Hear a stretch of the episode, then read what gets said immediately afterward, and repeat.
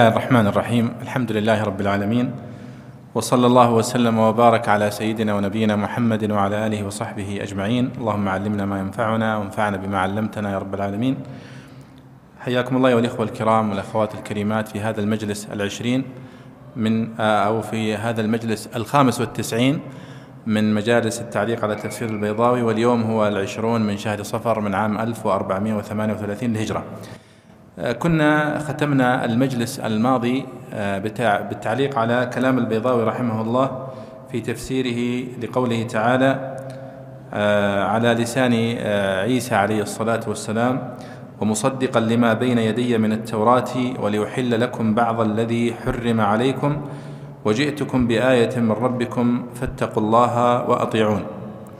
وكان الكلام مختصرا ربما في نهاية المجلس تعليقا على قول البيضاوي هنا وليحل لكم بعض الذي حرم عليكم. هذا أيضا من كلام عيسى عليه الصلاة والسلام.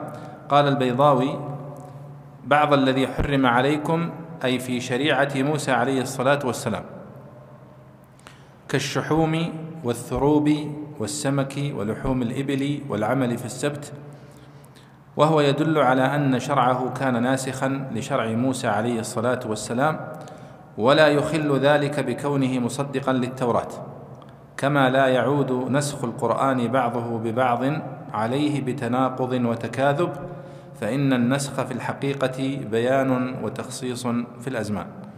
إذن هذه آه، يا شباب ثلاث مسائل نعلق عليها مرة أخرى وهي المسألة الأولى آه، وليحل لكم بعض الذي حرم عليكم قال البيضاوي أي في شريعة موسى عليه الصلاة والسلام. مما يشير أيها الإخوة إلى أنه لم يكن بين موسى عليه الصلاة والسلام وعيسى شريعة ناسخة. يعني بعد موسى عليه الصلاة والسلام استمرت شريعته حتى جاء عيسى مع أنه بين موسى وبين عيسى أنبياء كثيرون. بين موسى وبين عيسى أنبياء كثيرون. ثم بعد عيسى عليه الصلاة والسلام جاء النبي صلى الله عليه وسلم محمد. وبين بين كل منهما يعني بين موسى وعيسى تقريبا ما يقارب الألف وثمانمائة سنة. وبين محمد صلى الله عليه وسلم وعيسى يعني في خلاف منهم من يقول ثمانمائة سنة ومنهم من يقول ألف سنة ومنهم من يقول خمسمائة وهكذا.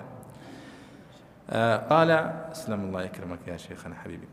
المسألة الثانية قول البيضاوي كالشحوم والثروب والسمك ولحوم الإبل والعمل في السبت. هذه قضايا كانت محرمة على بني إسرائيل. بعضها حرمه الله عليهم وبعضها حرمه إسرائيل نفسه على نفسه. كما قال تعالى وسيأتي معنا كل الطعام كان حلا لبني إسرائيل إلا ما حرم إسرائيل على نفسه. من قبل أن تنزل التوراة. فذكر العلماء منها لحوم الإبل أنه حرمها على نفسه. والشحوم هنا واضحة والثروب هي الشحوم التي تأتي حول البطن. يقال لها ثروب. والسمك والحوم العمل في السبت. العمل في السبت يعني أيضا العمل يوم السبت. كان أيضا منهيا عنه عند بني إسرائيل.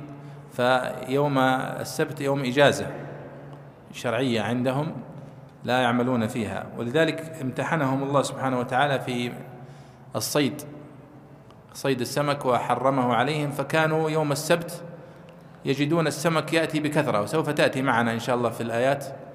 آه، واسألهم عن القرية التي كانت حاضرة البحر إذ يعدون في السبت يوم السبت. إذ تأتيهم حيتانهم يوم سبتهم شرعا يعني السمك يتوفر بشكل كبير جدا يوم السبت وهو يوم نهي. ويوم لا يسبتون ما في سمك لا يأتيهم. فهم احتالوا على الموضوع كانوا يضعون الشباك يوم الجمعة ويوم السبت تقع فيها الأسماك ويوم الأحد يعني يجلبون السمك. طيب قال البيضاوي هنا وهو يدل على أن شرع شرعه كان ناسخا لشرع موسى عليه الصلاة والسلام. يعني شريعة عيسى عليه الصلاة والسلام كانت ناسخة لشريعة موسى. طيب في أول الآية ألم يقل الله سبحانه وتعالى ومصدقا لما بين يدي؟ يعني أنا جاي مصدق لما بين يدي من شريعة موسى. فكيف هنا يقول وليحل لكم بعض الذي حرم عليكم؟ معناه في تغييرات. فقال هنا ليس هناك تعارض. التغييرات التي حصلت في الشريعة. أما التصديق فهو فيما يتعلق بالعقيدة وأساسيات الدين. واضح هذا؟ وهذا لا يخل بأنها مصدقة لما بين يديها من كتب من كتاب موسى ومن قبله. كما أن القرآن الكريم جاء أيضا مصدقا لما جاء في التوراة وفي الإنجيل وفي الصحف السابقة. ولكن الشريعة مختلفة بدلالة قول الله سبحانه وتعالى لكل جعلنا منكم شرعة ومنهاجا. يعني في في التفاصيل الشرعية في اختلافات. مثلا طريقة الصلاة طريقة الصيام بعض هذه التفاصيل التي تعتبر تفاصيل في الشريعة وليست في أصول الإسلام أو في أصول العقيدة أو في أصول الدين. قال وهو يدل على أن شرعه كان ناسخا لشرع موسى عليه الصلاة والسلام ولا يخل ذلك بكونه مصدقا للتوراة. كما لا يعود نسخ القرآن بعضه عليه بالتناقض وتكاذب. يعني القرآن الكريم نحن تكلمنا عند قوله تعالى ما ننسخ من آية أو ننسها أن هذه الآية هي أصرح آية وأدل آية على وقوع النسخ في القرآن الكريم. أن بعض الأحكام ينسخ بعضها بعضا كما هو ثابت ولكنه ليس كثيرا. يعني الصحيح في عدد آيات النسخ في القرآن الكريم أنها لا تتجاوز آه، بحال تسع آيات أو سبع آيات فقط. فالكتب التي صنفت في النسخ توسعت فيه بشكل كبير لكن الصحيح أنها لا تزيد عن هذا العدد. تسع آيات بالكثير خمس آيات على أقل تقدير. بل ذكر أحدهم أنه لم يقع الإجماع على نسخ آية إلا آية واحدة وهي آية النجوى في سورة المجادل. فإذا لم تفعلوا وتاب الله عليكم إلى آخره. طيب قال هنا فإن النسخ في الحقيقة بيان وتخصيص في الأزمان. تذكرون أن تحدثنا عن النسخ وأنه مسألة مرتبطة بالزمن بأن يكون الناسخ متأخر عن المنسوخ. فإذا كان الناسخ والمنسوخ مع بعض هذا لا يسمى نسخا. هذا تخصيص استثناء. أما النسخ فإنه يكون الناسخ متأخر. فيكون هذا تخصيص في الأزمان. ماذا يقصد البيضاوي؟ يقصد أنه يعمل بالناس بالمنسوخ مدة من الزمن. ثم يتوقف العمل به ويبدأ العمل بالناسخ. فلا يمكن يكون الناسخ والمنسوخ يعملان في زمن واحد. واضح هذا. لكن وضربت لكم مثلا ربما بالقرار مثلا. قرارات مثلا الآن نحن الآن في الأيام الشتاء جاية صح؟ وأصبحت صلاة الفجر الآن متأخرة. فالساعة السابعة الأيام هذه تعتبر بدري مرة صح؟ لكن في أيام الصيف كانت الساعة السابعة بعيدة بينها وبين الفجر مسافة طويلة. فعندما يتخذ قرار بأن بداية الدوام الساعة السابعة ثم يأتي قرار مثلا في شهر مثلا شهر ربيع أول مثلا فيقال بداية من واحد ثلاثة 1438 يصبح الدوام الساعة الثامنة صباحا فنحن سنعمل بالقرار الأول إلى يوم ثلاثين صفر ثم يوم واحد ربيع أول نبدأ بالقرار الثاني ثمانية صباحا فلا يمكن أن القرارين تتناقض صح؟ لأن هذا ينتهي في ثلاثين صفر وهذا يبدأ في واحد ربيع أول. فالزمانين مختلفين. الحكمين مختلفين والزمانين مختلفين. ليس هناك مشكلة. وهذا معنى قول البيضاوي هنا لا يعود نسخ القرآن بعضه ببعض عليه بتناقض وتكاذب. لماذا؟ قال فإن النسخ في الحقيقة بيان وتخصيص في الأزمان. الزمانين مختلفين. التي يعمل فيها كل نص من هذه النصوص. طيب نبدأ الآن من قول الله تعالى إن الله ربي وربكم فاعبدوه هذا صراط مستقيم. وهذه الآيات أيها الإخوة والآيات التي سبقت والتي ستأتي معنا اليوم من أهم الآيات التي تبين حقيقة عيسى عليه الصلاة والسلام وطبيعة عيسى عليه الصلاة والسلام وطبيعة والدته مريم. وهذه من الحقائق التي وقع فيها عند النصارى يعني خطأ كبير جدا وبنوا عليها عقائد باطلة. هي في هذه الآية أو في هذه السورة مشروحة بشكل يعني واسع. تفضل يا شيخ أحمد. أعوذ بالله من الشيطان الرجيم. فلما إن الله ربي وربكم فاعبدوه هذا صراط مستقيم. فلما أحس عيسى منهم الكفر قال من أنصاري إلى الله؟ قال الحواريون نحن أنصار الله آمنا بالله واشهد بأننا مسلمون. ربنا آمنا بما أنزلت واتبعنا الرسول فاكتبنا مع الشاهدين ومكروا ومكر الله والله خير الماكرين. قال رحمه الله إن الله ربي وربكم فإنه دعوة الحق المجمع عليها فيما بين الرسل الفارقة بين النبي والساحر. أو جئتكم بآية على أن الله ربي وربكم وقوله فاتقوا الله وأطيعون اعتراض والظاهر أنه تكرير لقوله وجئتكم بآية من ربكم. أي جئتكم بآية بعد أخرى مما ذكرت لكم والأول تمهيد والأول لتمهيد الحجة والثاني لتقريبها إلى الحكم. ولذلك رتب عليه بالفاء قوله تعالى فاتقوا الله أي لما جئتكم بالمعجزات الظاهرة والآيات الباهرة فاتقوا الله في المخالفة وأطيعوني فيما أدعوكم إليه. ثم شرع في الدعوة وأشار إليها بالقول المجمل فقال إن الله ربي وربكم. إشارة إلى استكمال القوة النظرية بالاعتقاد الحق الذي غايته التوحيد. وقال فاعبدوه إشارة إلى استكمال القوة العلمية فإنه بملازمة الطاعة التي هي الإتيان بالأوامر والانتهاء عن المناهي ثم قرر ذلك بأن بين أن الجمع بين الأمرين هو الطريق المشهود له بالاستقامة. ونظيره قوله عليه الصلاة والسلام قل آمنت بالله ثم استقم. نعم. يقول عيسى عليه الصلاة والسلام لقومه قال إن الله ربي وربكم فاعبدوه هذا صراط مستقيم. ولاحظوا أن كل هذا الكلام هو كلام متصل لعيسى عليه الصلاة والسلام مع والدته. قالت ربي أن يكون لي ولد ولم يمسسني بشر. قال كذلك الله يخلق ما يشاء. إذا قضى أمرا فإنما يقول له كن فيكون ويعلمه الكتاب والحكمة والتوراة والإنجيل. ورسولا إلى بني إسرائيل أني قد جئتكم. لاحظوا الآن تغير الخطاب. أصبح الحديث على لسان عيسى عليه الصلاة والسلام. وفي في مواضع أخرى أنه فأشارت إليه قالوا كيف نكلم من كان في المهد صبيا؟ قال إني عبد الله آتاني الكتاب وجعلنا نبيا. فحديثه في هذا الموضع وهو صبي صغير وكل هذا الكلام الذي يتكلم به كلام كبير. وليس كلام طفل صغير ولا كلام رضيع. فهذا هو يعني وجه يعني الإعجاب ووجه الإعجاز في هذه الآيات. فهو قال ورسولا إلى بني إسرائيل أني قد جئتكم بآية من ربكم. هنا الآن يبدأ الكلام لعيسى عليه الصلاة والسلام وهو في هذا الموقف موقف وهو رضيع. أني أخلق لكم من الطين كذا وكذا إلى آخره إلى أن قال هنا وأن الله ربي وربكم فاعبدوه. فهو يدعوهم إلى التوحيد في هذا الموقف.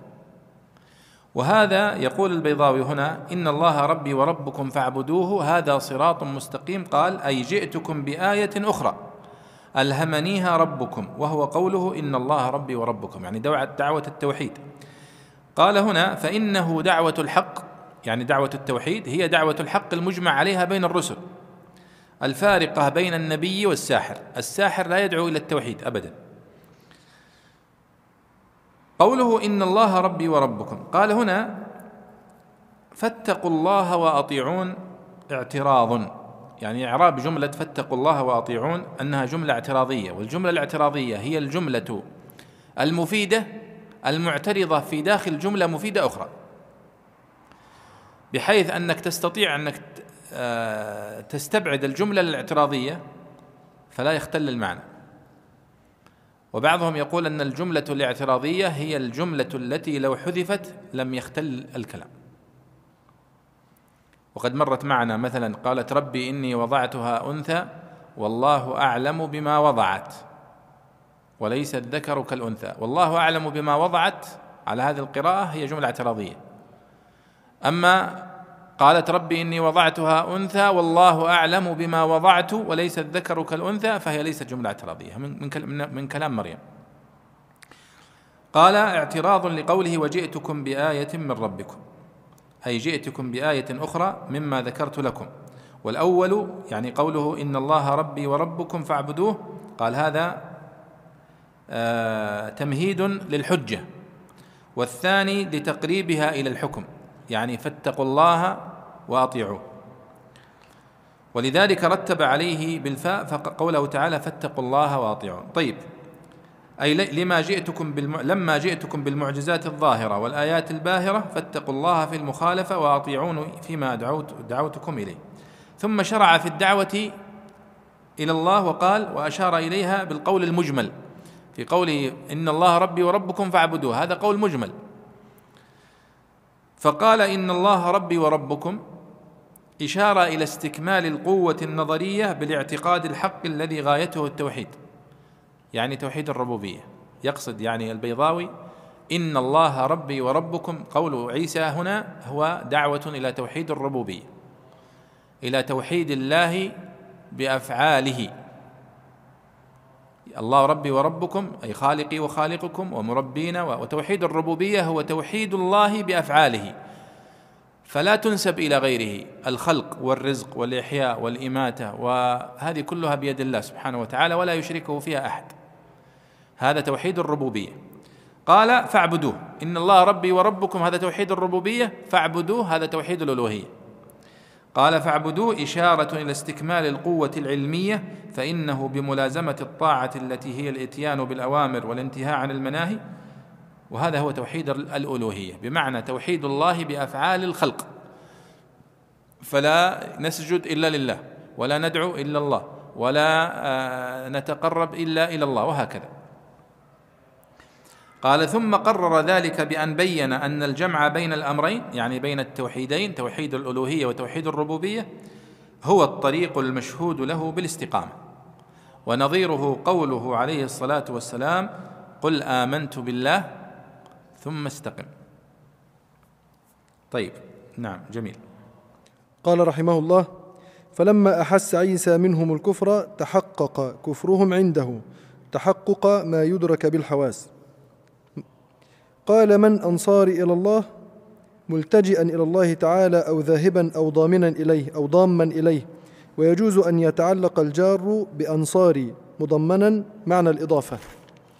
أي من الذين يضيفون أنفسهم إلى الله تعالى في نصري وقيل إلى ها هنا بمعنى مع أو في أو اللام.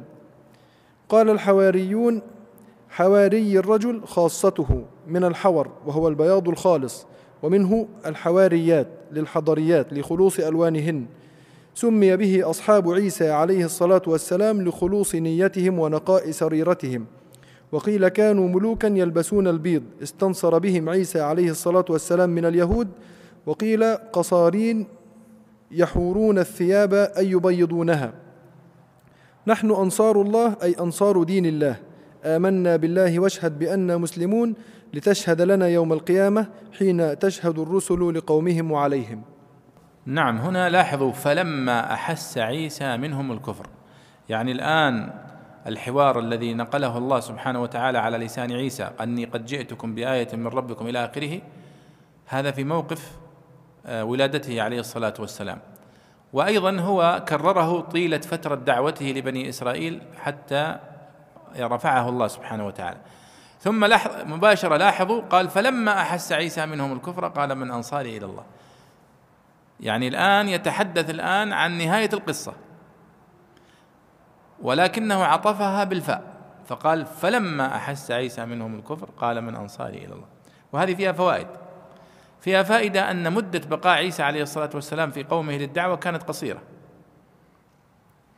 وأنهم والاستجابة كانت قليلة والمعارضة كانت كبيرة. ولذلك الذين استجابوا له كانوا قلة الحواريون فقط. فقال هنا فلما أحس عيسى منهم الكفر من قومه بعد دعوتهم والبقاء فيهم قال من أنصاري إلى الله. أحس عيسى منهم الكفر. دلالتها هنا قال البيضاوي والبيضاوي يعني يلخص الكلام تلخيص جيد. قال تحقق كفرهم عنده تحقق ما يدرك بالحواس. فلما أحس عيسى منهم الكفر.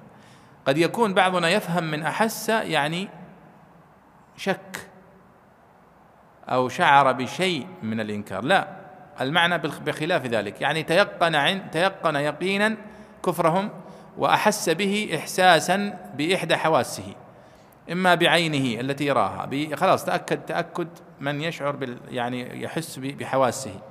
ولذلك قال ما يدرك بالحواس. والغالب أنه بسمعه وببصره. فقال فلما أحس عيسى منهم الكفر هذا هو يعني سر التعبير بأحس أنه يعني تيقن تيقن من يدرك الشيء بالحواس بيده يلمسه أو يراه بعينه أو يذوقه بلسانه أو يسمعه بأذنه. قال من أنصاري إلى الله ملتجئا إلى الله تعالى أو ذاهبا أو ضاما إليه.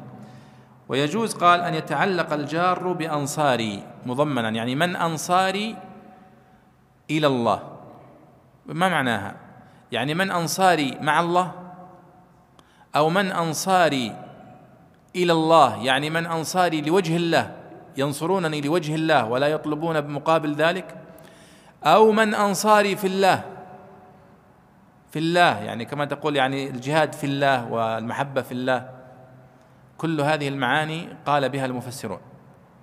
ولكل دلالة من هذه الدلالات أدلة من لغة العرب. من أنصاري إلى الله أنها تستخدم إلى بمعنى في وبمعنى مع وبمعنى لي كذا اللام وكلها واردة. فهم أنصار إلى الله أنصار يناصرونني في طريقي إلى الله صحيح؟ أنصار لوجه الله أنصار آه، مع نصرة الله سبحانه وتعالى لي وهكذا. قال ولذلك قال أي من الذين يضيفون أنفسهم إلى الله تعالى في نصري؟ وقيل إلى ها هنا بمعنى مع أو في يعني أو بمعنى في أو اللام. أنصاري لله أو أنصاري في الله أو أنصاري مع الله. كلها يعني صحيحة وقال بها المفسرون. قال الحواريون نحن أنصار الله آمنا بالله واشهد بأننا مسلمون. الحواريون هم خواص عيسى الذين آمنوا به. وحواري الإنسان هم يعني خلص الأصدقاء وخلص الأصحاب يقال لهم حواريون. فالله سمى يعني آه الذين آمنوا بعيسى عليه الصلاة والسلام وكانوا من الخلص المقربين منه الحواريين. فقال البيضاوي هنا حواري الرجل خاصته. مأخوذة من ماذا في اللغة؟ قال من الحور وهو البياض الخالص.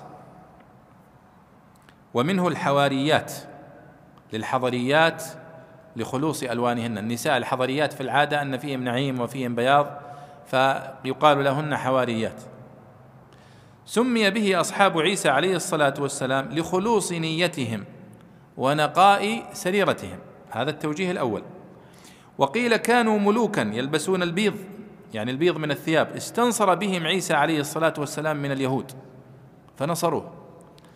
وقيل أن الحواريين سموا بذلك لأنهم كانوا يحورون الثياب أي يبيضونها. إما أنهم كانوا خياطين لأن القصارين هم الخياطون أو كانوا الذين يغسلون الثياب. كلها وردت في سبب تسمية الحواريين بهذه الأسماء. قالوا نحن أنصار الله أي أنصار دين الله. آمنا بالله واشهد بأننا مسلمون لتشهد لنا يوم القيامة حين تشهد الرسل لقومهم وعليهم. نعم. قال رحمه الله ربنا آمنا بما أنزلت واتبعنا الرسول فاكتبنا مع الشاهدين أي مع الشاهدين بوحدانيتك أو مع الأنبياء الذين يشهدون لأتباعهم أو مع أمة محمد صلى الله عليه وسلم فإنهم شهداء على الناس. ومكروا أي الذين أحس منهم الكفر من اليهود بأن بأن بأن وكلوا عليهم بأن وكلوا عليه من يقتله غيله. ومكر الله حين رفع عيسى عليه الصلاة والسلام وألقى شبهه على من قصد اغتياله حتى قتل. والمكر من حيث إنه في الأصل حيلة يجلب بها غيره إلى مضرة لا يسند إلى الله تعالى إلا على سبيل المقابلة والازدواج. والله خير الماكرين أقواهم مكرا وأقدرهم على إيصال الضرر من حيث لا يح من حيث لا يحتسب. نعم، يعني قال هؤلاء الحواريون لعيسى عليه الصلاة والسلام: ربنا آمنا بما أنزلت واتبعنا الرسول يعني اتبعنا عيسى عليه الصلاة والسلام فاكتبنا مع الشاهدين. البيضاوي هنا شرح ما المقصود بالشاهدين هنا فقال واكتبنا مع الشاهدين أي الشاهدين بوحدانيتك. أو اكتبنا مع الشاهدين يعني اكتبنا من المؤمنين مع الأنبياء الذين يشهدون لأتباعهم. هذا احتمال ثاني توجيه ثاني. الثالث اكتبنا مع الشاهدين أي مع أمة محمد صلى الله عليه وسلم التي جعلها الله شاهدة على من قبلها. وقلنا أن الله سبحانه وتعالى يقبل شهادة أمة محمد صلى الله عليه وسلم على أن الأنبياء الذين سبقوا محمدا صلى الله عليه وسلم قد بلغوا أنبياءهم. طيب نحن نشهد على شيء ما شفناه؟ نشهد على أن نوحا قد بلغ وأن إبراهيم قد بلغ وأن موسى وعيسى بلغوا؟ نعم. وكذلك جعلك وكذلك جعلناكم شهداء على الناس وجعل وجعلنا الرسول عليكم شهيدا. فكيف نشهد على الناس؟ نشهد بناء على شهادة الله في القرآن الكريم. فنحن نشهد بأن موسى قد بلغ ونوح قد بلغ وصالح وبناء على ما ذكره الله لنا في القرآن الكريم. وهذه منقبة عظيمة لأمة محمد صلى الله عليه وسلم. أن الله يقبل شهادتها على أمر قد مضى لم تشهده. لكنها شهدت بما شهد به الله سبحانه وتعالى في كتابه. طيب. قال ومكروا ومكر الله. والله خير الماكرين. يعني الذين أحس عيسى منهم الكفر من اليهود. مكروا بعيسى عليه الصلاة والسلام ليقتلوه. وتآمروا كما في الروايات مع الدولة البيزنطية لقتل عيسى عليه الصلاة والسلام. مع أن عيسى عليه الصلاة والسلام مرسل لهم. مرسل لبني إسرائيل. لكنهم يعني آه، عارضوه ولم يستجب منهم إلا هؤلاء الحواريون القلة وتآمر عليه رؤوس اليهود ليقتلوه. فوشوا به عند الدولة البيزنطية وكان مطاردا عليه الصلاة والسلام حتى جاءت تلك الليلة التي أرادوا أن يغتال فيها عيسى عليه الصلاة والسلام. فالله سبحانه وتعالى يقول ومكروا لقتل موسى عيسى عليه الصلاة والسلام هنا وكلوا عليه من يقتله غيلة. ومكر الله. ماذا صنع بهم سبحانه وتعالى؟ قال ومكر الله حيث رفع عيسى عليه الصلاة والسلام وألقى شبهه على من قصد اغتياله حتى قتل. يعني هناك نحن طبعا الروايات الإسرائيلية ماذا تقول؟ تقول أن الإسخريوطي الذي كان مع أحد الحواريين هو الذي وشى بعيسى. وكان يعني يعني مخدوعين فيه. فهو الذي دل من يريد أن يقتله على مكانه وفي تلك الليلة التي قتل التي أرادوا أن يغتالوا عيسى فيها. فالله سبحانه وتعالى رفع عيسى وألقى شبه عيسى تماما على الشخص. الذي وشى به. فلما جاءوا ليقتلوه قتلوا هذا الرجل. وهذه طبعا سبحان الله عجيبة. فوقع يعني هذا الواشي وهذا النمام وقتل. فهم ينظرون إلى الأمر على أنهم قتلوا عيسى وهم ما قتلوه. وعيسى عليه الصلاة والسلام رفعه الله إليه. طبعا هذه الحقيقة التي أخبرنا الله عنها طبعا هي فيها جدل كبير عند النصارى. هم يرون أنه قد قتل وأنه قد صلب عيسى. ولذلك هم يعني آه، عندهم الصليب أصبح يعني شعارا للمسيحية من تلك الليلة التي صلب فيها شبيهه. أليس كذلك؟ ووقعوا في فتنة عظيمة.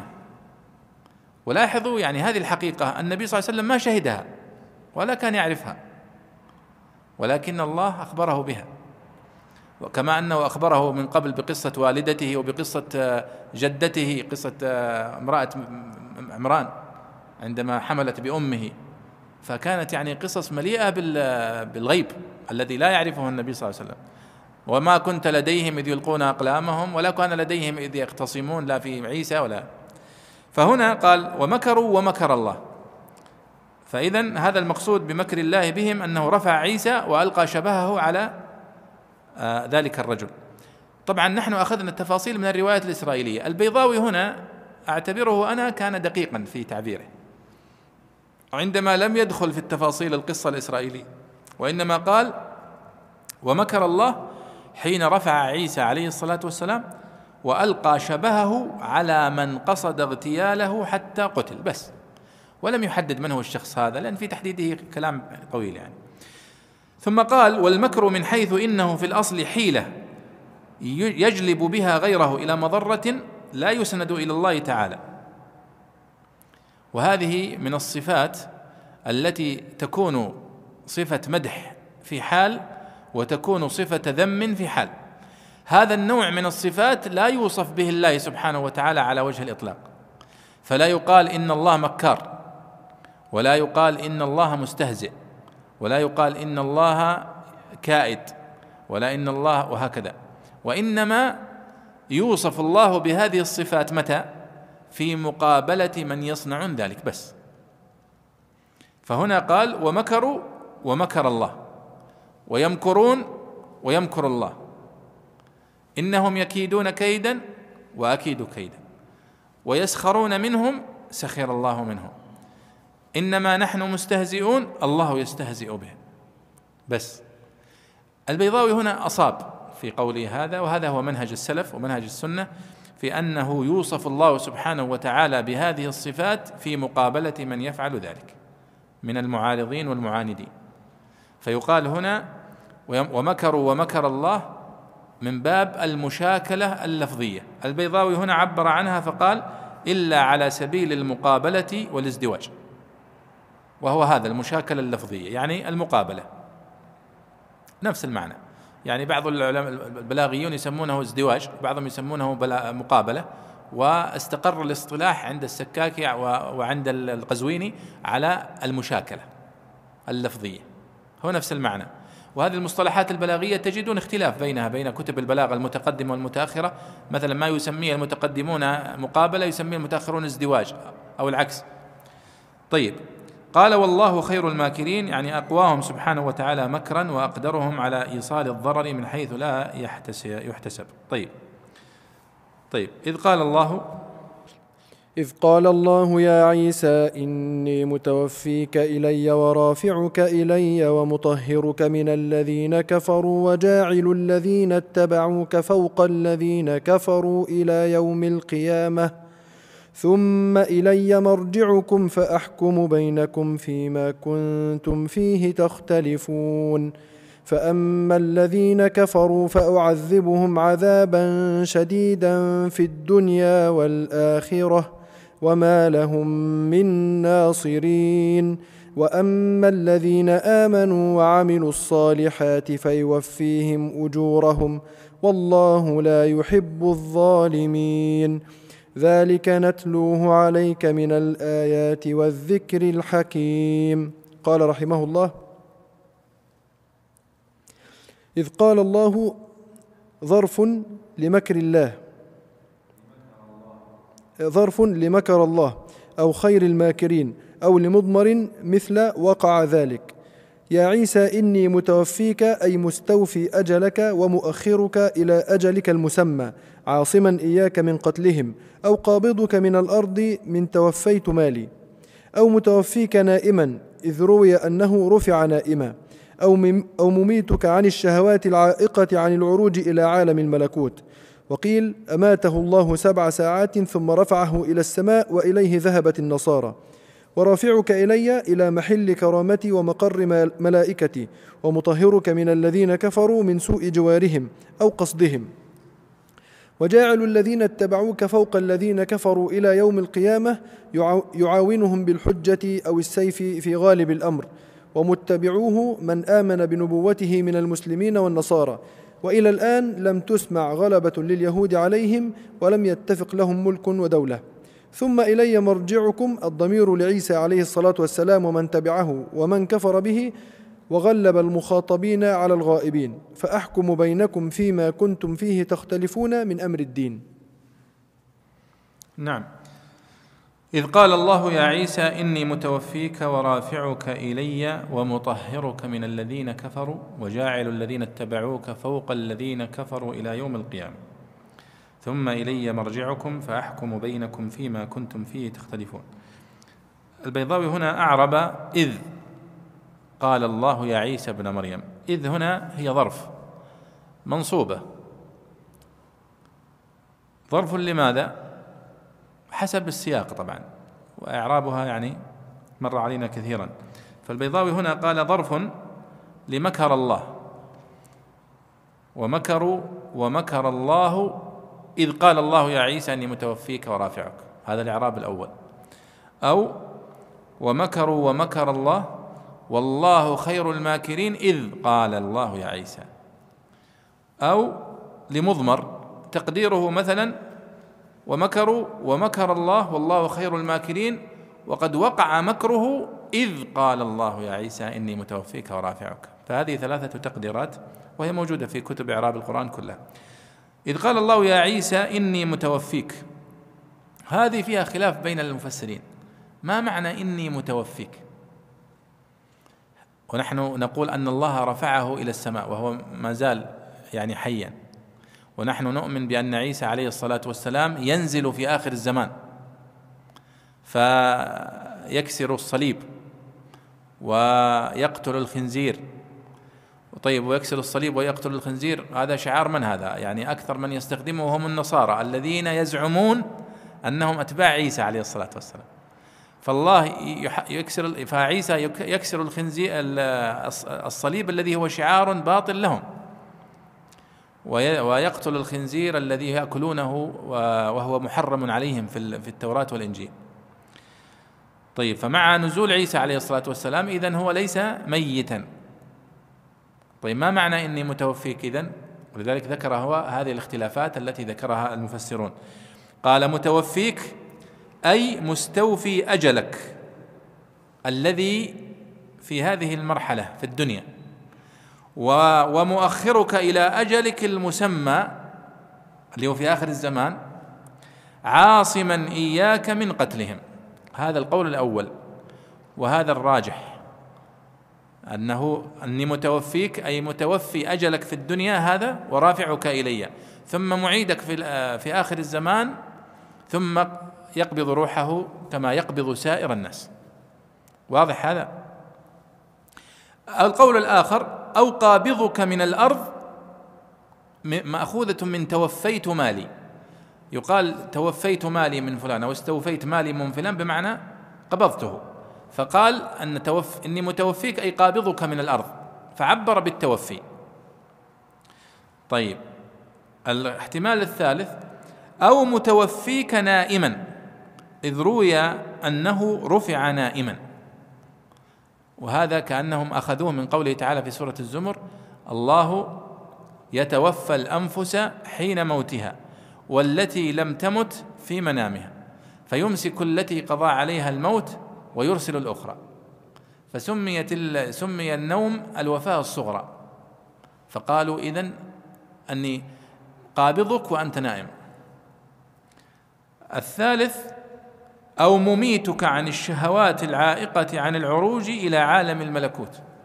هذا تفسير الإشاريين. وهو لا قيمة له في هذا السياق.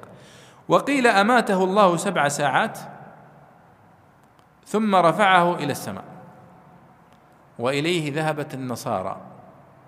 والحقيقة النصارى لهم في تفسير هذا الموضوع كلام طويل لكن القول الفصل هو ما قاله الله سبحانه وتعالى. يا عيسى إني متوفيك ورافعك إلي ومطهرك من الذين كفروا. فنحن نقول نحن نفهم من التوفي المعنى اللغوي التوفي الأجل. ورافعك إلي لا ندري هل هو رفعه نائما رفعه ميتا رفعه وروحه فيه. هذه كلها تفاصيل لم يرد فيها نص صريح ولا صحيح. فنحن نؤمن أن عيسى عليه الصلاة والسلام رفعه الله إليه وأنه حي يرزق وأنه سوف ينزل في آخر الزمان ويقيم يعني يتبع متبعا لشريعة محمد عليه الصلاة والسلام. ثم يقبض الله روحه كما يقبض سائر أرواح البشر. هذا هو الصحيح. تفاصيل التوفي والرفع لا نعرفها ولذلك نحن نقول نحن نؤمن بظاهر الآية. أنه توفاه الله ورفعه إليه آه، دون الدخول في التفاصيل عن الكيفية لأنه لا يوجد عليها دليل. مع انه أمر بسيط يعني أمر بسيط لا ليس فيه يعني لا يترتب عليه عمل. قال ورافعك إلي. الله يهينك حبيبي ويجزيك خير يعني تعبناك الله يحفظك ورافعك إلي إلى محل كرامتي ومقر ملائكتي يعني إلى الله سبحانه وتعالى. ومطهرك من الذين كفروا الذين كذبوه عليه الصلاة والسلام أسلم من سوء جوارهم أو قصدهم. وجاعل الذين اتبعوك من المؤمنين فوق الذين كفروا إلى يوم القيامة. قال يعاونهم بالحجة أو السيف في غالب الأمر. لماذا؟ قالوا يعاونهم بالحجة فلا شك أيها الإخوة أن المؤمنين أتباع الأنبياء هم الأعلون دائما بالحجة والبيان. دائما. أتباع الأنبياء عليهم الصلاة والسلام هم الأعلون دائما بالحجة والبيان. ولم يحصل أنه غلبهم المعارضون بالحجة والبيان أبدا. واضح يا شباب؟ فأتباع الأنبياء بحجتهم بالوحي الذي معهم هم الأعلون.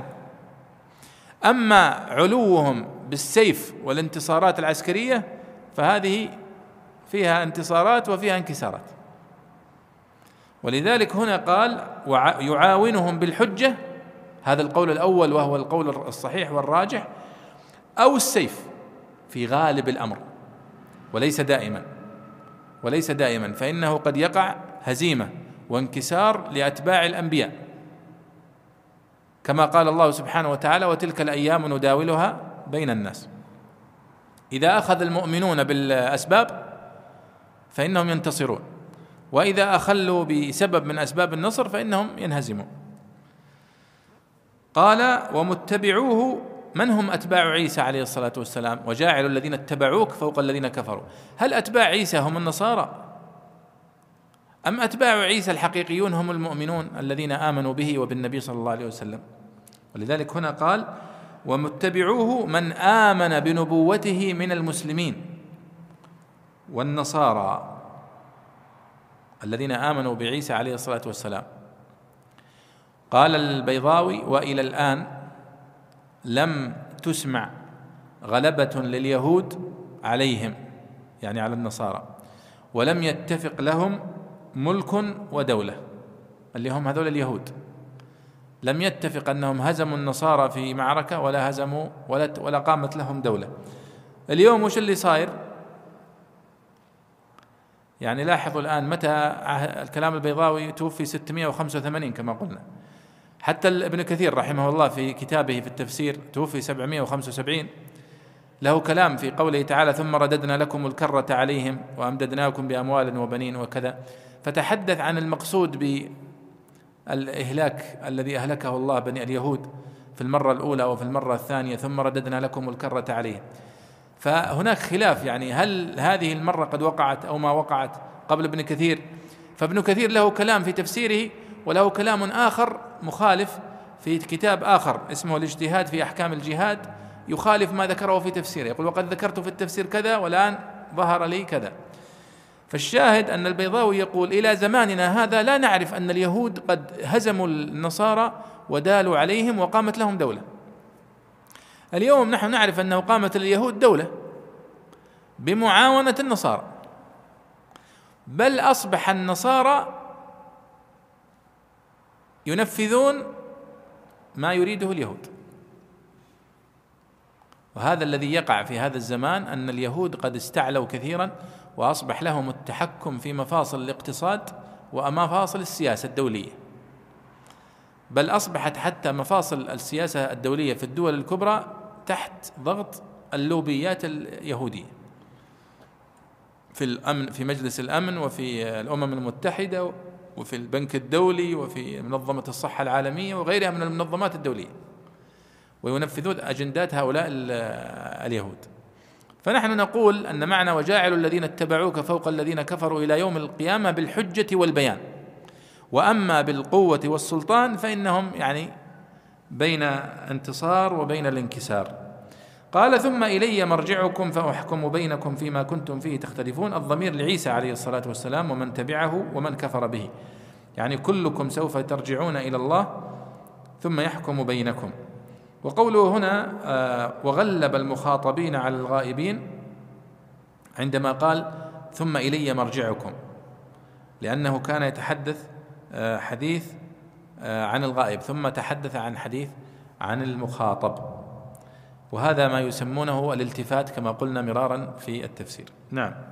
قال رحمه الله فأما الذين كفروا فأعذبهم عذابا شديدا في الدنيا والآخرة وما لهم من ناصرين وأما الذين آمنوا وعملوا الصالحات فيوفيهم أجورهم تفسير للحكم وتفصيل له.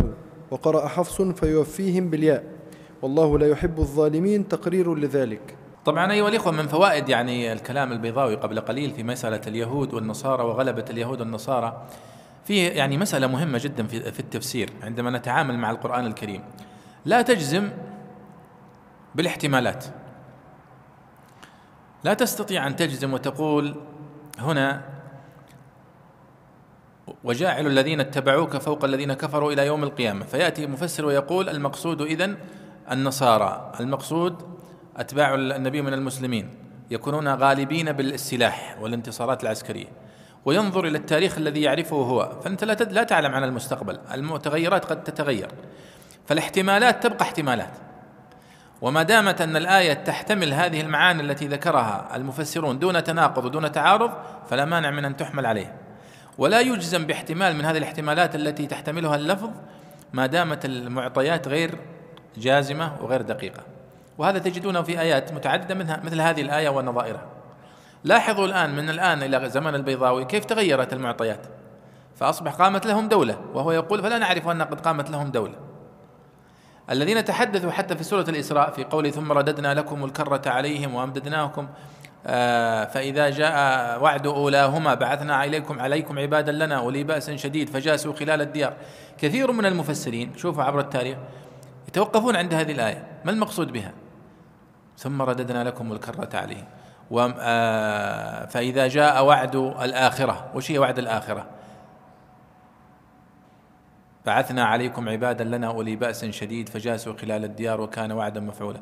المقصود به ما وقع اليهود مثلا في عهد بخت نصر ما وقع لهم ما سيقع لهم.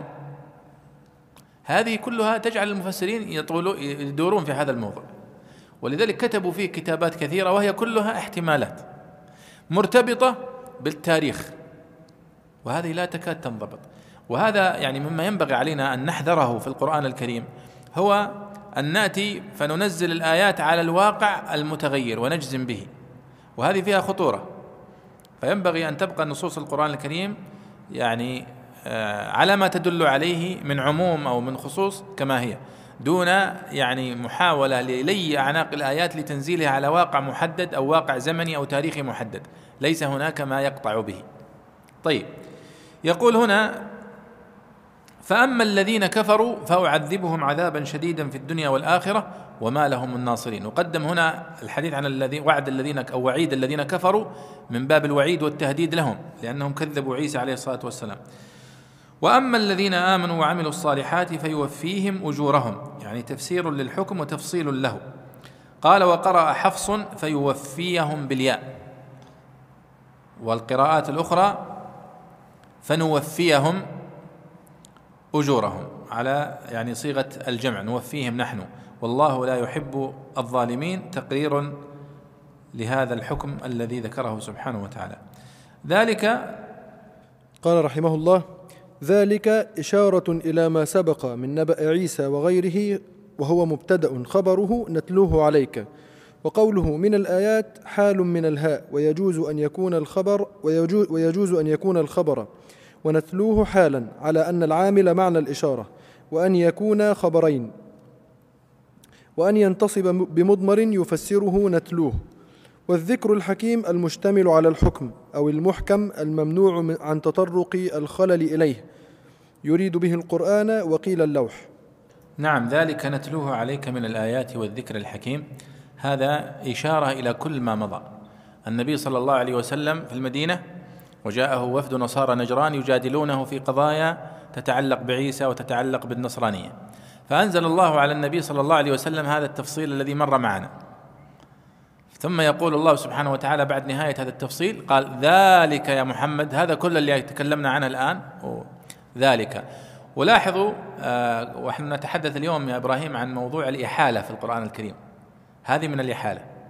ذلك نتلوه عليك من الآيات والذكر الحكيم. الإحالة هي الإشارة إلى كلام متقدم في النص أو الإشارة إلى كلام سيأتي. كل الطعام مثلا كان حلا لبني إسرائيل إلا ما حرم إسرائيل على نفسه. وش حرم إسرائيل على نفسه؟ يحيلك إلى موضوع ثاني. فأنت تبحث أين حرم إسرائيل على نفسه؟ وش المقصود؟ فمثلا أو قول مثلا سبحانه وتعالى حرمت عليكم الميتة والدم ولحم الخنزير إلا ما يتلى عليكم مثلا. إلا ما يتلى عليكم وين؟ معناته في موضع آخر لازم ندور عليه في النص نفسه في القول سبحانه وتعالى في آيات أخرى في سورة الأنعام مثلا. هنا الإشارة بعد أن ذكر الله لنا هذه القصة عن مريم وعن ابنها وعن الحديث الذي دار بينه وبين قومه وتكذيبهم له ورفعه إليه. هذه قصة طويلة. ثم بدل أن يعيدها يقول ذلك نتلوه عليك من الآيات والذكر الحكيم.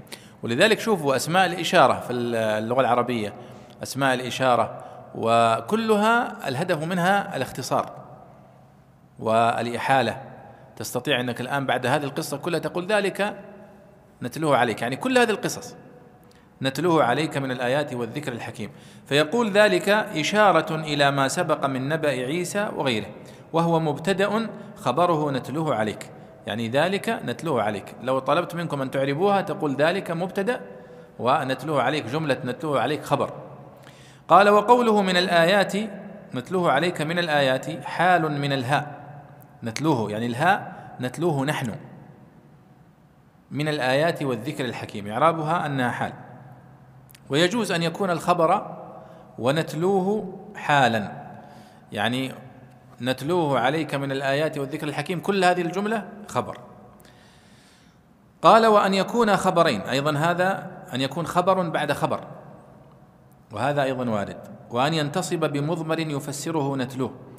يعني نتلوه عليك من الآيات والذكر الحكيم من الآيات والذكر الحكيم. هذه الجملة منصوبة بخبر يدل عليه كلمة نتلوه عليك. طبعا البيضاوي والتفاسير المختصرة مثل تفسير الجلالين تعتني بالرغم من الاختصار الذي بنيت عليه بالإعراب لأنه مرتبط بالمعنى. ولذلك لا يمكن يا شباب أن تجد كتاب تفسير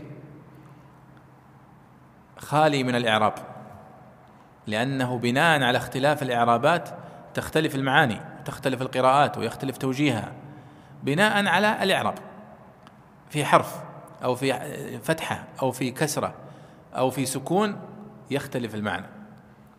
وهذا وجه من أوجه يعني بلاغة القرآن الكريم وتوسعه في معانيه. قال من الآيات والذكر الحكيم المشتمل على الحكم أو المحكم الممنوع عن تطرق الخلل إليه يريد به القرآن وقيل اللوح.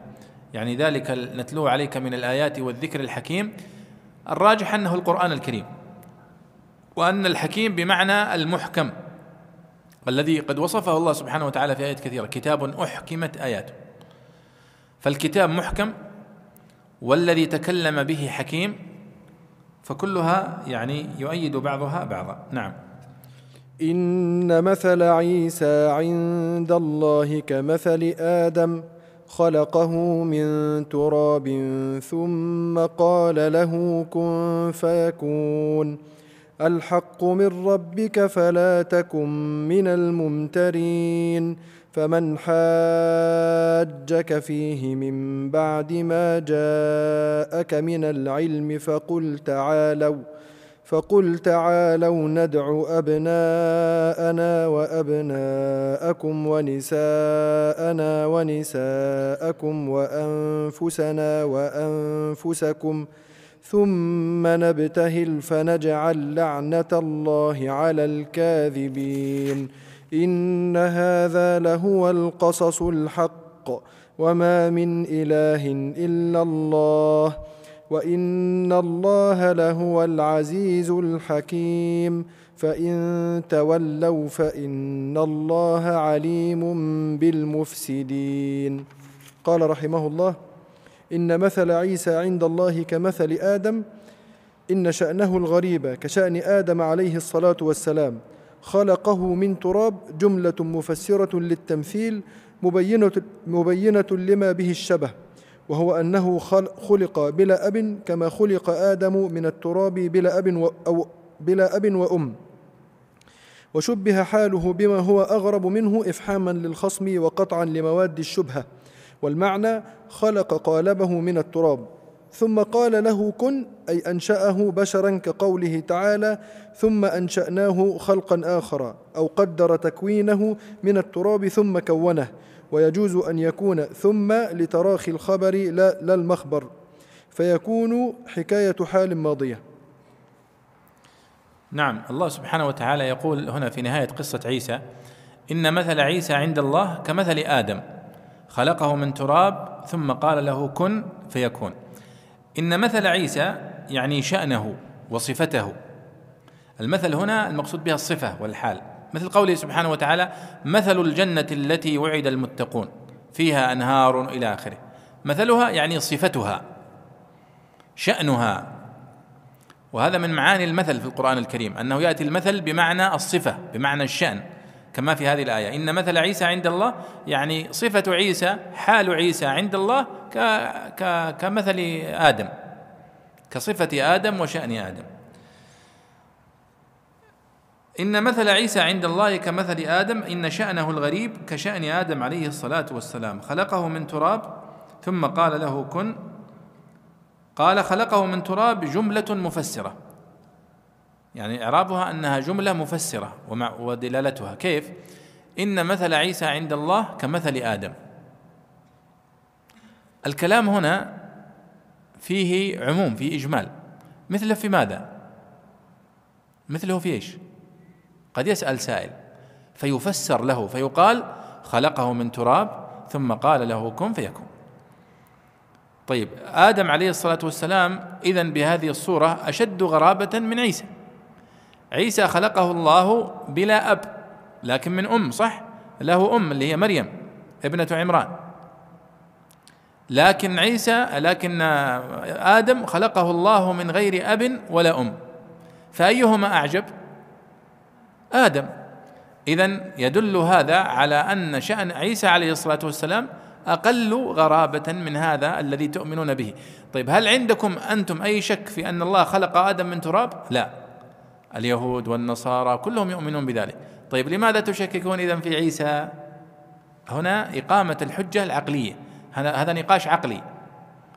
يعني إذا أنتم تؤمنون بخلق آدم من تراب وهو من غير أب ولا أم؟ فهذا من باب أولى. كيف ترفض عقولكم قبول أن الله خلق عيسى من من أب من أم بلا أب؟ قال جملة مفسرة للتمثيل مبينة لما به الشبه يعني وهو أنه خلق بلا أب كما خلق آدم من التراب بلا أب وأم. شبه حاله بما هو أغرب منه. قال إفحاما للخصم وقطعا لمواد الشبهة. لأنك الآن إذا كنت أنت تؤمن بأن آدم خلق من غير أب ولا أم من تراب فكيف ينكر عقلك أنه خلق عيسى من غير أب بس ولكن خلقه من أم؟ هو أقل في الغرابة. فإما أنك تكذب نفسك في إيمانك الأول بآدم أو أن تتناقض. ولاحظوا هنا الجدل العقلي في مجادلة النصارى في هذه القصص.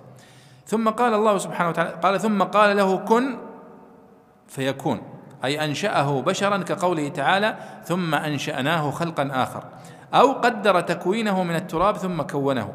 ويجوز أن يكون ثم لتراخي الخبر لا المخبر. ثم قال له كن فيكون هنا. يعني سياق الكلام المتوقع أن يقول خلقه من تراب ثم قال له كن فكان. طيب لماذا ثم قال هنا ثم قال له كن فيكون؟ فعبر بالفعل المضارع عن موضوع ماضي. فهو هنا يقول ثم قال له كن قدرا. فكان بعد ذلك. فيقول هنا أن أن يكون ثم لتراخي الخبر عن الخبر بمعنى أن أن الله قد قدر هذا ازلا ولكنه لم يتحقق كونا إلا عندما عندما خلق عيسى. لأننا دائما نتحدث في هذه المسألة حتى في قوله سبحانه وتعالى ليعلم الله من يخافه بالغيب. مرت علينا. ليعلم الله من يخافه بالغيب يعني أن الله كان لا يعلم ثم علم.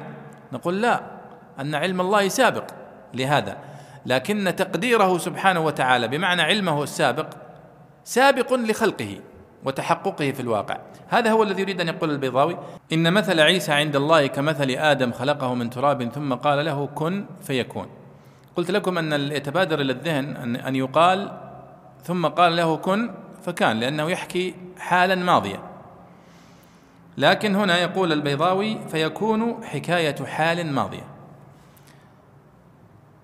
وهذا يعني كلام البيضاوي هذا كلام جميل جدا وفي غاية الدقة. يحتاج إلى شرح. ثم قال له كن فكان. هذا الذي حدث فيما يتعلق بعيسى. لكن الله سبحانه وتعالى يقول عن نفسه إنما أمره إذا أراد شيئا أن يقول له كن فيكون. إشارة إلى أن هذه صفة ثابتة لله سبحانه وتعالى ومتجددة مع إرادته سبحانه وتعالى لأي شيء. إنما أمره إذا أراد شيئا أن يقول له كن فيكون. فهنا لم يقل إنما أمره إذا إنما آه، إن مثل عيسى عند الله كما خلقه من تراب ثم قال له كن فكان. حتى لا يتوهم السامع أن هذا متعلق بخلق عيسى فقط. ولكن أمر الله سبحانه وتعالى دائما في كل شيء إنما يقول له كن فيكون. بعضهم يأخذ من هذه العبارة كلمة يقول إن أمر الله بين الكاف والنون صح؟ وبعضهم يعني يخطئ هذه العبارة ويقول يعني لا يجوز أن تقول إن أمر الله بين الكاف والنون. إشارة إلى هذا المعنى. ونحن نقول إن معنى قولهم إن أمر الله بين الكاف والنون هو نفس المعنى الذي يقوله الله هنا. إنما أمره إذا أراد شيئا أن يقول له كن فيكون إشارة إلى سرعة وقوعه. وكما قال في في قوله تعالى وما أمرنا إلا واحدة كلمح بالبصر. وقال إنما كلمح بالبصر أو هو أقرب. كل هذا إشارة إلى سرعة أمر الله ويقين تحققه. فقوله ثم قال له كن بالماضي فيكون بالمضارع للإشارة إلى أن هذا شأن أوامر الله سبحانه وتعالى في كل وقت في خلق عيسى وفي خلق غيره وإلى اليوم وإلى أن يرث الله الأرض من عليه. وهي من نعم صيغة المضارع تدل على أن هذه صفة ثابتة ومتجددة آه، بمشيئة الله سبحانه وتعالى. طيب. الحق من ربك قال رحمه الله الحق من ربك خبر محذوف أي هو الحق. وقيل الحق مبتدأ ومن ربك خبره أي الحق المذكور من الله تعالى. فلا تكن من الممترين خطاب للنبي صلى الله عليه وسلم على طريقة التهييج لزيادة الثبات أو لكل سامع. نعم يعني الحق من ربك يا محمد فلا تكن من الممترين. يعني هذه الحقائق التي ذكرها الله لك عن عيسى عليه الصلاة والسلام هي الحق الذي لا مرية فيه. طبعا الكلام هذا يقال للنبي صلى الله عليه وسلم في موقف جالسين معه الآن عدد من علماء النصارى يجادلونه في عيسى عليه الصلاة والسلام. والنبي صلى الله عليه وسلم لا يعرف تفاصيل آه، قصة عيسى ولا يعرفها من قبل هذا. فالله سبحانه وتعالى أيده بهذه الحجج وهذه الحقائق ويقول له في ختامها هذا هو الحق يا محمد الحق من ربك فلا تكن من الممترين. والممترين هم الشاكين المترددين. مأخوذة من المرية والشك فلا تك في مرية. مما يعني يقوله هؤلاء.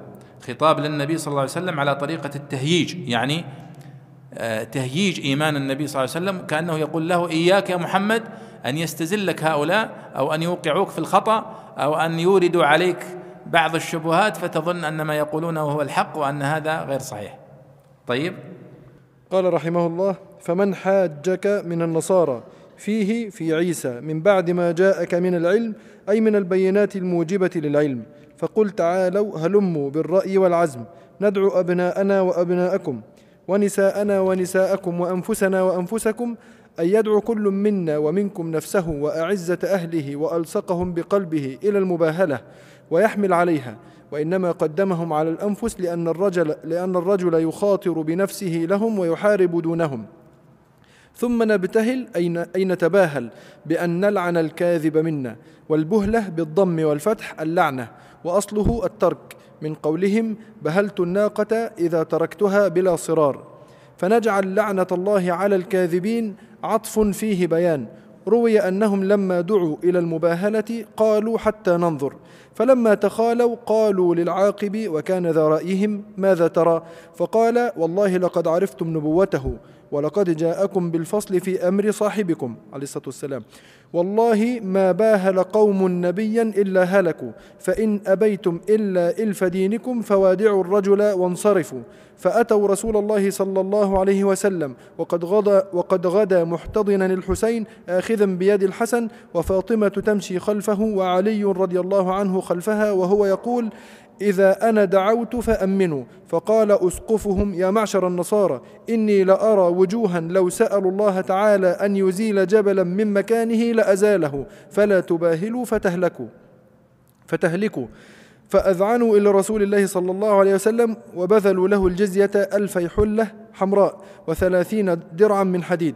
فقال عليه الصلاة والسلام والذي نفسي بيده لو تباهلوا لمسخوا قردة وخنازير ولطرم عليهم الوادي ولطرم عليهم الوادي نارا ولاستأصل الله نجران وأهله حتى الطير على الشجر وهو دليل على نبوته وفضل من أتى بهم من أهل بيته. صلى الله عليه وسلم. اللهم صل وسلم عليه. الله سبحانه وتعالى بعد أن بين للنبي صلى الله عليه وسلم هذه الحقائق في ولادة عيسى وحقيقة عيسى وحقيقة والدة عيسى وحقيقة نبوة عيسى وكيف كذبه قومه وكيف رفعه الله إليه. هذه كلها حقائق يخبر بها الله سبحانه وتعالى النبي صلى الله عليه وسلم لأول مرة بهذا التفصيل. فقال له هذه هي الحق من ربك يا محمد هذا الحق فلا تكن من الممتنين فمن حاجك أو جادلك أو كذبك في هذه الحقائق فباهله. باهله. قال هنا فمن حاجك من النصارى فيه أي في عيسى عليه الصلاة والسلام في حقيقته في نبوته في وفاته في رفعه. من بعد ما جاءك من العلم يعني هذا العلم الذي جاءك الوحي. فقل تعالوا. هلموا ندعو أبناءنا وأبناءكم ونساءنا ونساءكم وأنفسنا وأنفسكم ثم نبتهل. وقال المفسرون هنا يعني اجمعوا أحب الناس إليكم أولادكم وأبناؤكم ونساؤكم خلونا نجتمع مع بعض ثم نبتهل. ومعنى نبتهل؟ أي نتباهل بأن يلعن؟ نلعن كلنا الكاذب منا. وهذا موضوع المباهلة من ذكره الله هنا في هذه السورة ووردت في في روايات عند ابن جرير الطبري وعند أبي داود وفي دلائل النبوة للبيهقي ولأبي نعيم أيضا في دلائل النبوة وغيرهم ذكروا هذه القصة وهذه القصة اللي ذكرها البيضاوي هنا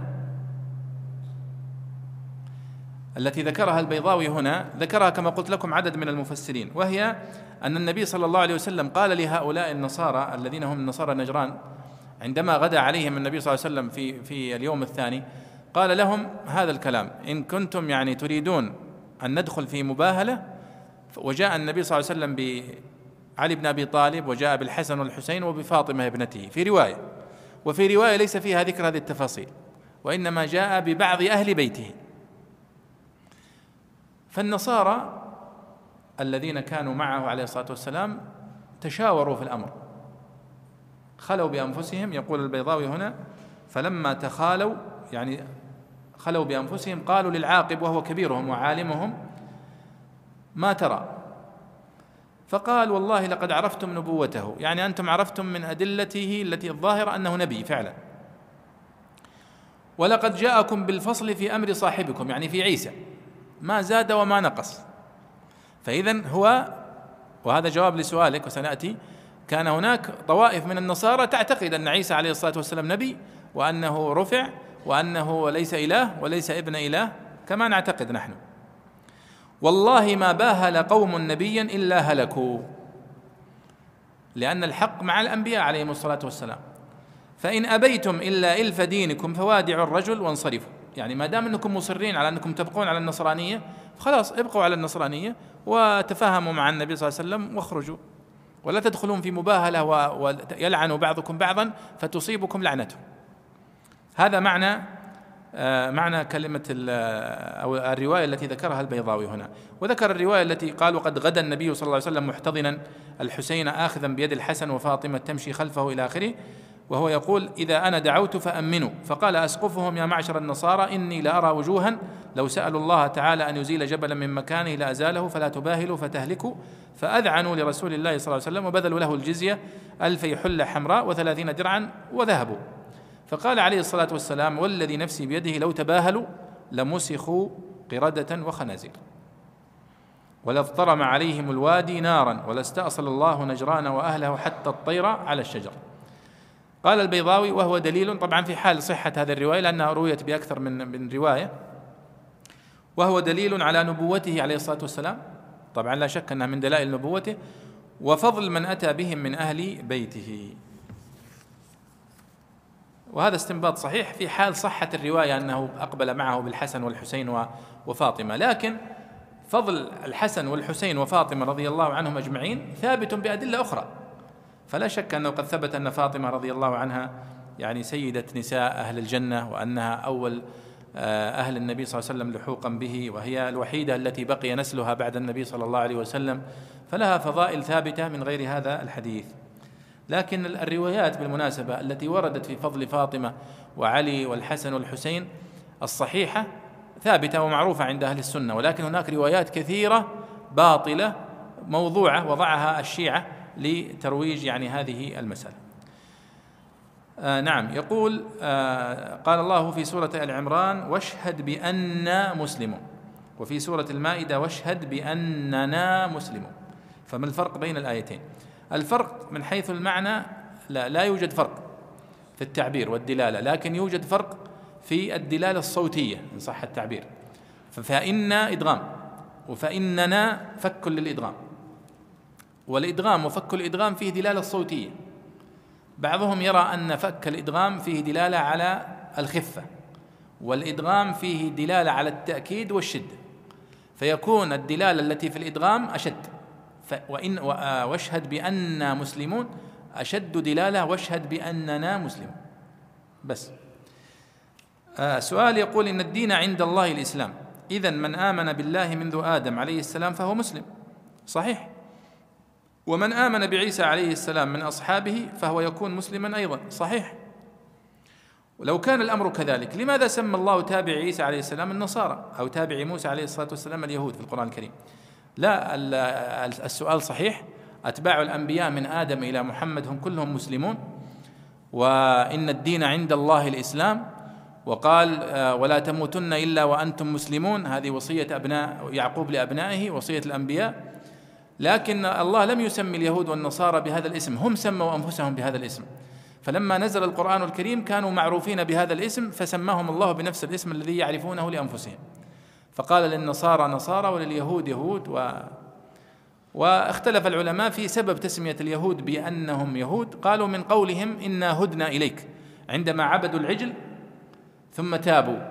فقالوا إنا هدنا إليك يعني رجعنا فسموا يهودا. وبعضهم قال سموا يهودا نسبة إلى جدهم آه، يهوذا الإسخريو آه، يهوذا من أبناء يعقوب. فقيل لهم يهود لهذا ولعل الصواب هو الأول من قولهم هدنا إليك. والنصارى جمع نصران قيل سموا نصارى لمناصرتهم لعيسى ونصرتهم له آه، أخذا من قوله إذ قال عيسى يا بني إسرائيل من أنصاري إلى الله؟ قالوا الحواري نحن أنصار الله إلى آخره. وكما مر في هذه الآيات. آه، يقول هل يوجد تفسير معاصر يجمع أغلب أو خلاصة التفاسير المتقدمة بحيث يكون مرجعا وموسوعة لطلاب العلم ولو طال قليلا. آه، الحقيقة يعني المحاولات كثيرة لهذا المشروع لكنه من وجهة نظري لم يتحقق في تفسير آه، موجود. حتى كتاب حدائق الروح والريحان الذي حاول الشيخ ال ال من علماء مكة أظنه اسمه الريتيري أو أحد العلماء نسيت الحقيقة اسمه له كتفسير سماه حدائق الروح والريحان في 35 مجلد أو 37 مجلد. أراد منه أن يجمع أقوال المفسرين لكن عندما تقرأ فيه تجد فيه نقولات مفرقة من الرازي من البيضاوي من الكشاف من الطبري وكذا دون أن يكون بينها سبك وتدقيق وتأصيل وكذا. فمن وجهة نظري لم يتحقق المراد. هناك تفسير الآن يقوم عليه الإخوة في الدرر السنية مؤسسة الدرر السنية سموه المحرر التفسير المحرر.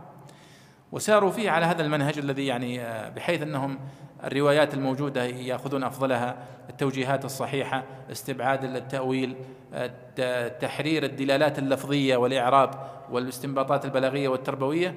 ووصلوا فيه الآن إلى نهاية سورة الأعراف وهو جهد رائع جدا.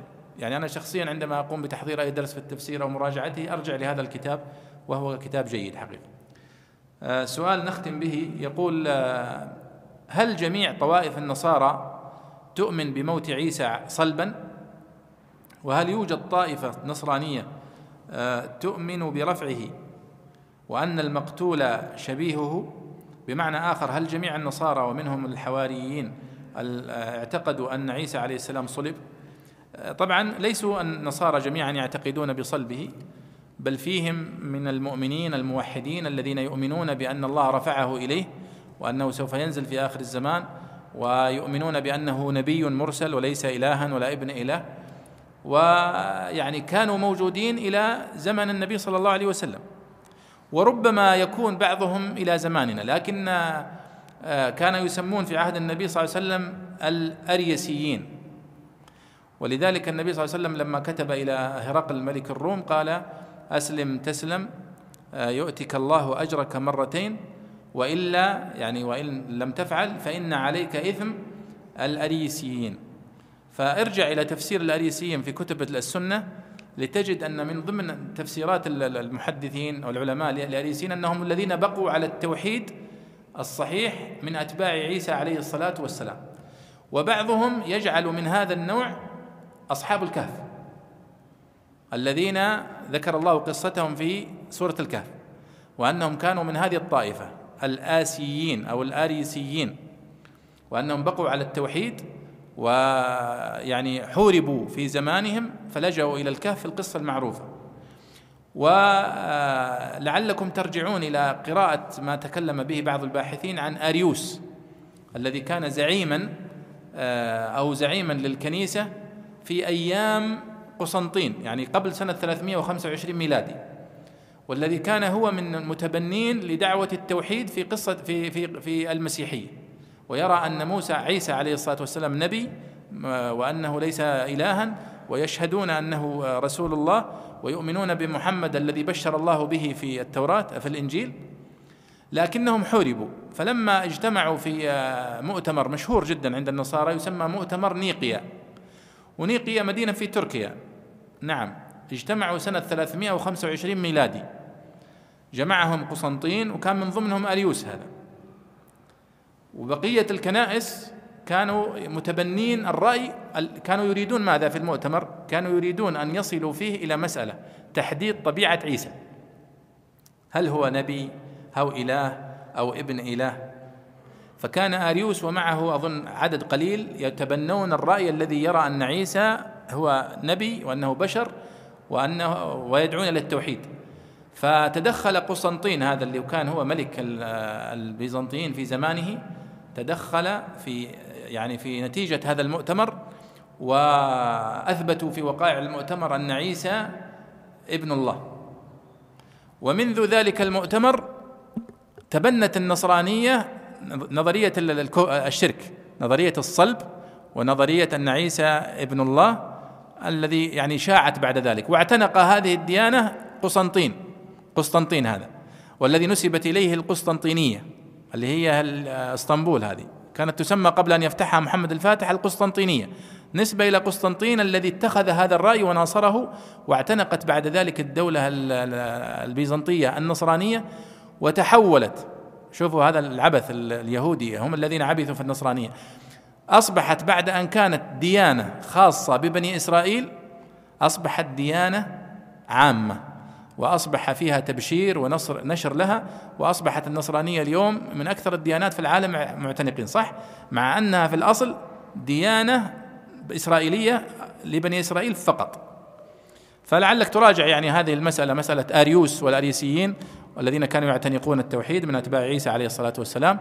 ولعلنا نكتفي بهذا وصلى الله وسلم على نبينا محمد وعلى آله وصحبه أجمعين.